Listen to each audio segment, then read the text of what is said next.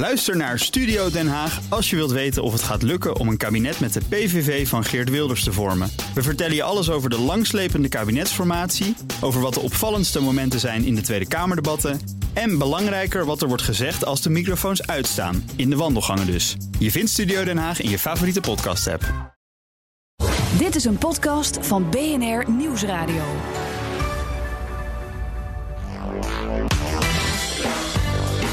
Welkom bij de Ben Tigelaar podcast bij BNR. De podcast over persoonlijk leiderschap. Met elke week tips en inzichten van super inspirerende gasten om beter te worden in je werk.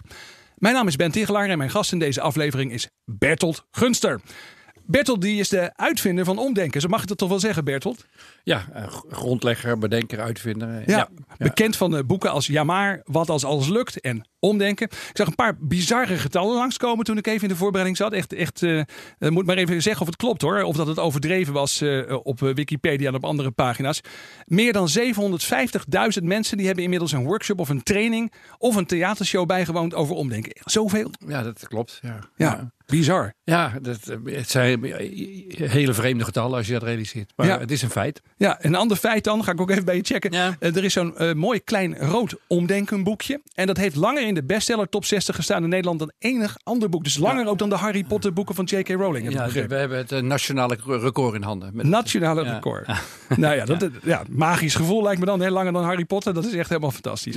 Nou ja, ja, hartstikke mooi Bertel dat je er bent. Eh, ik vind het altijd leuk om met hele praktische vragen te beginnen. Zodat luisteraars meteen iets, iets aan deze podcast hebben. Dat is een beetje het idee.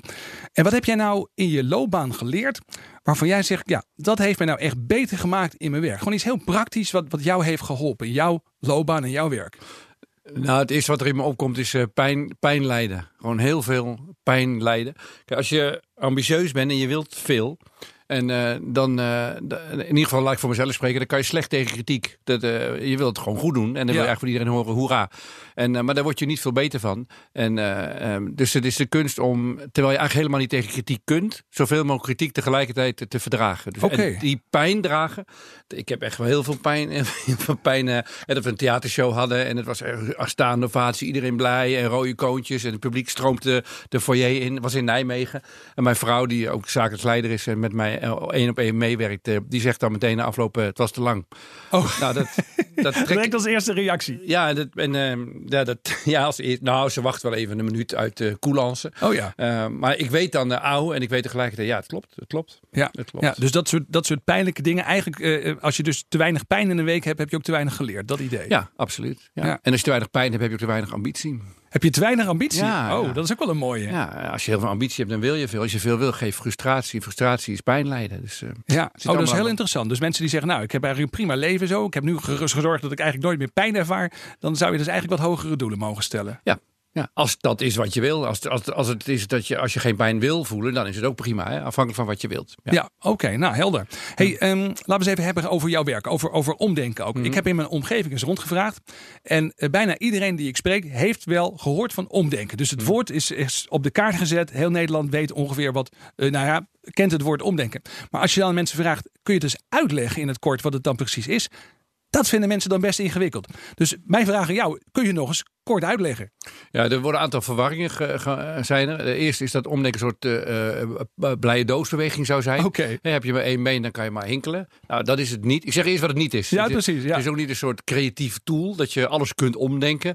Ben je verdrietig? Nou, zet leuke muziek op in de radio en op de, in de auto en dan ben je weer vrolijk. Ja. Wat het in essentie is, is dat je een probleem benadert als een spanning tussen wat, wat er is en wat er zou moeten zijn volgens jou. Als creatieve spanning. En dat je kijkt of je van een probleem een mogelijkheid kunt maken. Dat is dus je, erva- je ervaart dus precies. Je ervaart dus een spanning tussen eh, eh, wat er nu is en wat je vindt dat er zou moeten zijn. Ja. En die spanning, daar ga je mee dus aan de slag. Ja, en die zie je als, als creatieve energie. En normaal wil je problemen wegwerken en vermijden. En wat je bij omdenken doet, is het probleem omarmen. De energie zien als een creatieve bron en kijken wat je ervan maken kunt. Ja, en dan denk ik meteen, geef eens een voorbeeld. Kun je, kun je een voorbeeld geven? Iets wat je vandaag bijvoorbeeld nog hebt meegemaakt of eh, recent?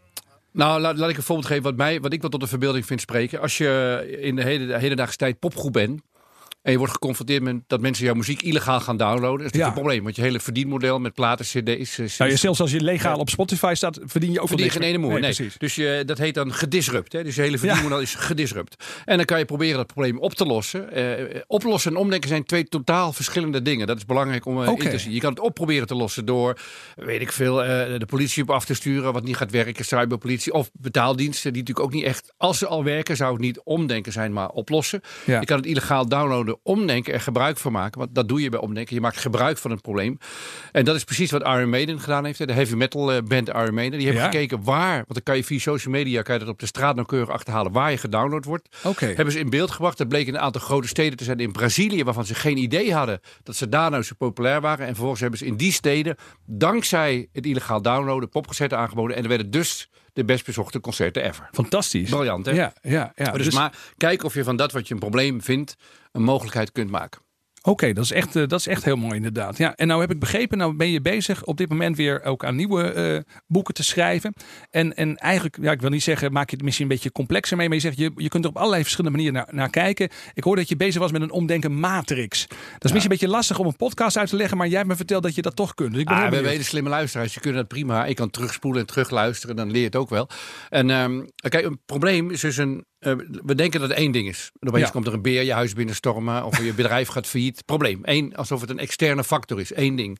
Maar bij nadere beschouwing is het probleem altijd twee dingen. Namelijk de dingen zoals ze zijn. Eh, en een daaraan tegengestelde verwachting. Oké, dus je verwacht die beer niet. En je Nee. verwacht ook dat het goed ging met je bedrijf. Precies. Dan gaat het toch anders dan, dan je verwacht. had verwacht. Precies. Anders dan verwacht. En omdat het anders gaat dan je had verwacht, ervaar je een probleem. Maar stel je zit in een hutje en je hebt bedacht ooit nog eens een keer in een live sessie door een beer te worden opgegeten. En je hangt pro-camera's op, je zet pot honing neer en er komt geen beer. En eindelijk komt er dan een beer. dan is dat ook een teleur. ha, Oh, dan ben je. Ja, als er geen beer komt, is het een probleem. Nou, dus of een feit een probleem is, dan wel de mogelijkheid. De bedoeling hangt dus niet af van de gegevens in zichzelf, de dingen in zichzelf. Maar heeft alles te maken met onze verwachting. Oké. En om een heel simpel voorbeeld te geven, als je met je kinderen op de camping staat, het regent, is een probleem.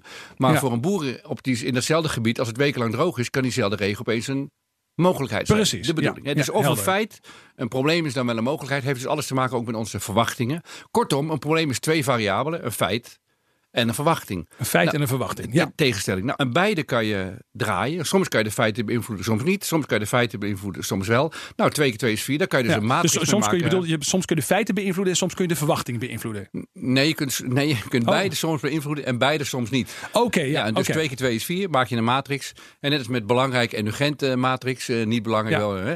En met, eh, dat kan met feiten en verwachtingen dus ook. Soms kan je feiten be- beïnvloeden. Je kan een band plakken. Maar soms niet. Als het regent moet je het ermee doen. Hè, Als mensen Ja. jouw muziek illegaal downloaden. Heb je het ermee te doen. Daar kan je tegen verzetten. Maar dat lukt. Hetzelfde geldt voor verwachtingen. Sommige verwachtingen kan je loslaten of bijstellen. Ja. Maar andere verwachtingen die, die heb je nou eenmaal. Je wil graag in leven blijven. Of je wil dat het goed gaat met je kinderen. Het zou onzin zijn om te zeggen, nou, laat dat maar los. En je wil ook geen pijn lijden. Of in de file staan is ook vervelend. Dus sommige verwachtingen zijn beïnvloedbaar en sommige niet. Nou, die kan je kruisen met elkaar. En dan kom je dus tot Ja. vier bevredigende manieren. Dat is in de kern wat die matrix is. Vier bevredigende manieren om met een probleem om te gaan. Nou, dan gaan we even naar alle vier. Ik hoor je net al even over, over loslaten praten. Sommige mensen zeggen je moet alles kunnen loslaten Echt leven. Maar je zegt dat kan Nee, dus helemaal nee. niet. Dat is maar één van de vier. Vast, vasthouden zijn is ook heel zinvol. Loslaten inderdaad. En het onderscheid zien tussen die vier is van cruciaal belang. Want we halen ze voortdurend door elkaar. Ja. We denken allemaal op dezelfde manier aan problemen te werken. Maar onze benadering is fundamenteel verschillend. Bij loslaten accepteer je de feiten. Je wordt bijvoorbeeld ouder. Je kinderen gaan uit huis.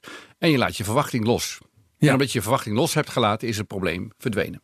Oké, dat is één. Weg. Dat is één. Ja. Andere is dat je de feiten verandert, maar je verwachting in stand houdt. Dat, daar willen we allemaal naartoe. Dat noemen wij, ik kan het nu in de podcast niet uitleggen, het opa Piet vakje. Dat je problemen dwangmatig wil oplossen. Mannen houden van dit vakje. Problemen los je op door de feiten aan te passen aan jouw verwachting. Heel Alles hard werken. weer- ja, de, alles, de wereld veranderen. alles is weer als, als Ja. zoals het zou moeten zijn. De dingen zijn maakbaar, repareerbaar, herstelbaar. Dat hoort allemaal bij oplossen. Maar dat is maar één vakje. En we hebben Twee nu- van de vier. Twee van de vier, ja. Ja, en precies. mannen, maar mannen willen het vakje. De andere, eh, de derde vakje is het omdenken. Daar stel je verwachtingen bij ten positieve. En je verandert daardoor de feiten. Zoals je dat doet door bijvoorbeeld zo'n popconcert aan te, te bieden. Oh, ja. Dus je doet iets nieuws. En, eh, eh, en je verandert je verwachting. Je verdient geld niet meer met platen, maar met... eh, met Oké, dus de feiten blijven hetzelfde, maar jij gaat Nee, er anders naar kijken? Ja, je, je voegt er iets aan toe. Je voegt er iets aan toe. ja, je, voegt- je, accepteert de feiten zoals ze zijn, illegaal downloaden. Maar door daar popconcerten van te maken, heb je de feiten veranderd.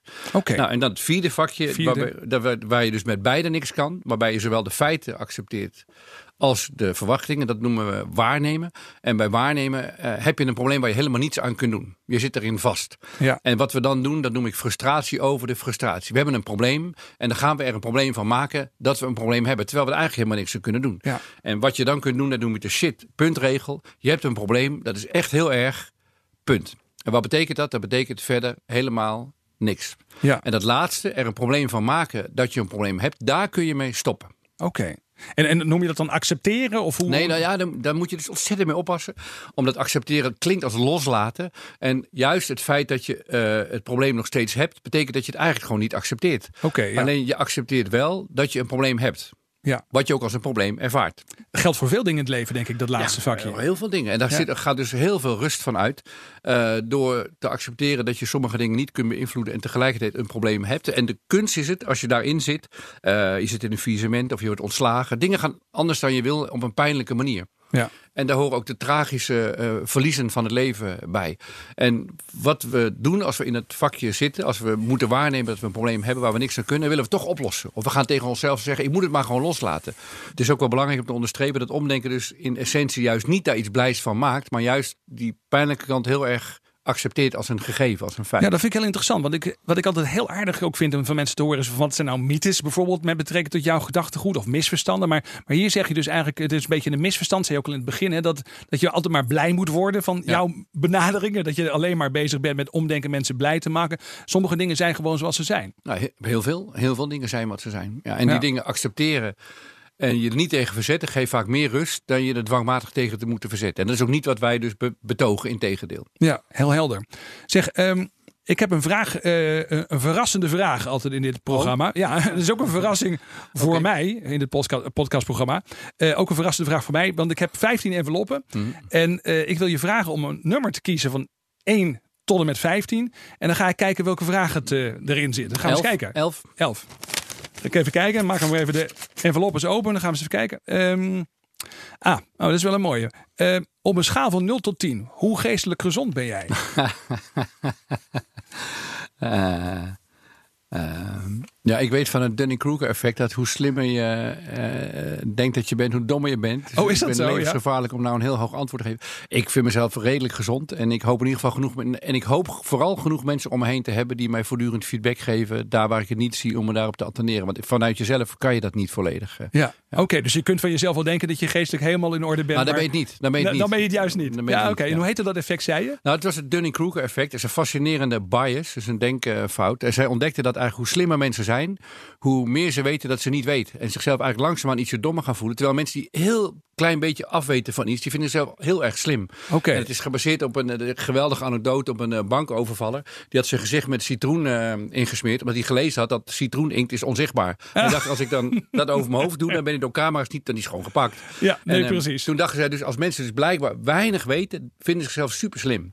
Ja. Ja, dus, dat, dat eh, is wel een hele mooie. Nou, en nog één keer in de naam van dat effect, mevrouw Dunning, Kruger. Dunning, Dunning zijn twee mensen. Dunning, twee wetenschappers. Dunning en Kruger. Dunning Hartstikke Kruger, mooi. Helder, ja. Hey, ehm, we willen even afronden met een mediatip. Mhm. Ehm, nou, we hebben een hele hoop van jou geleerd. eh, maar wat is nou weer iets waar jij iets hebt van, hebt geleerd? Een, een boek, een cd, eh, nou ja, cd's, podcast, eh, een TED-talk. Iets waarvan je zegt, nou, dat moet de iedereen... Ik, ik, ontzettend, ik lees en kijk heel veel. En er zijn uh, goden om me heen die heel slim zijn. Dus ik, dit vind ik moeilijk kiezen. Maar één ding, als ik dan één ding moet delen, is het een, een serie, The Wire.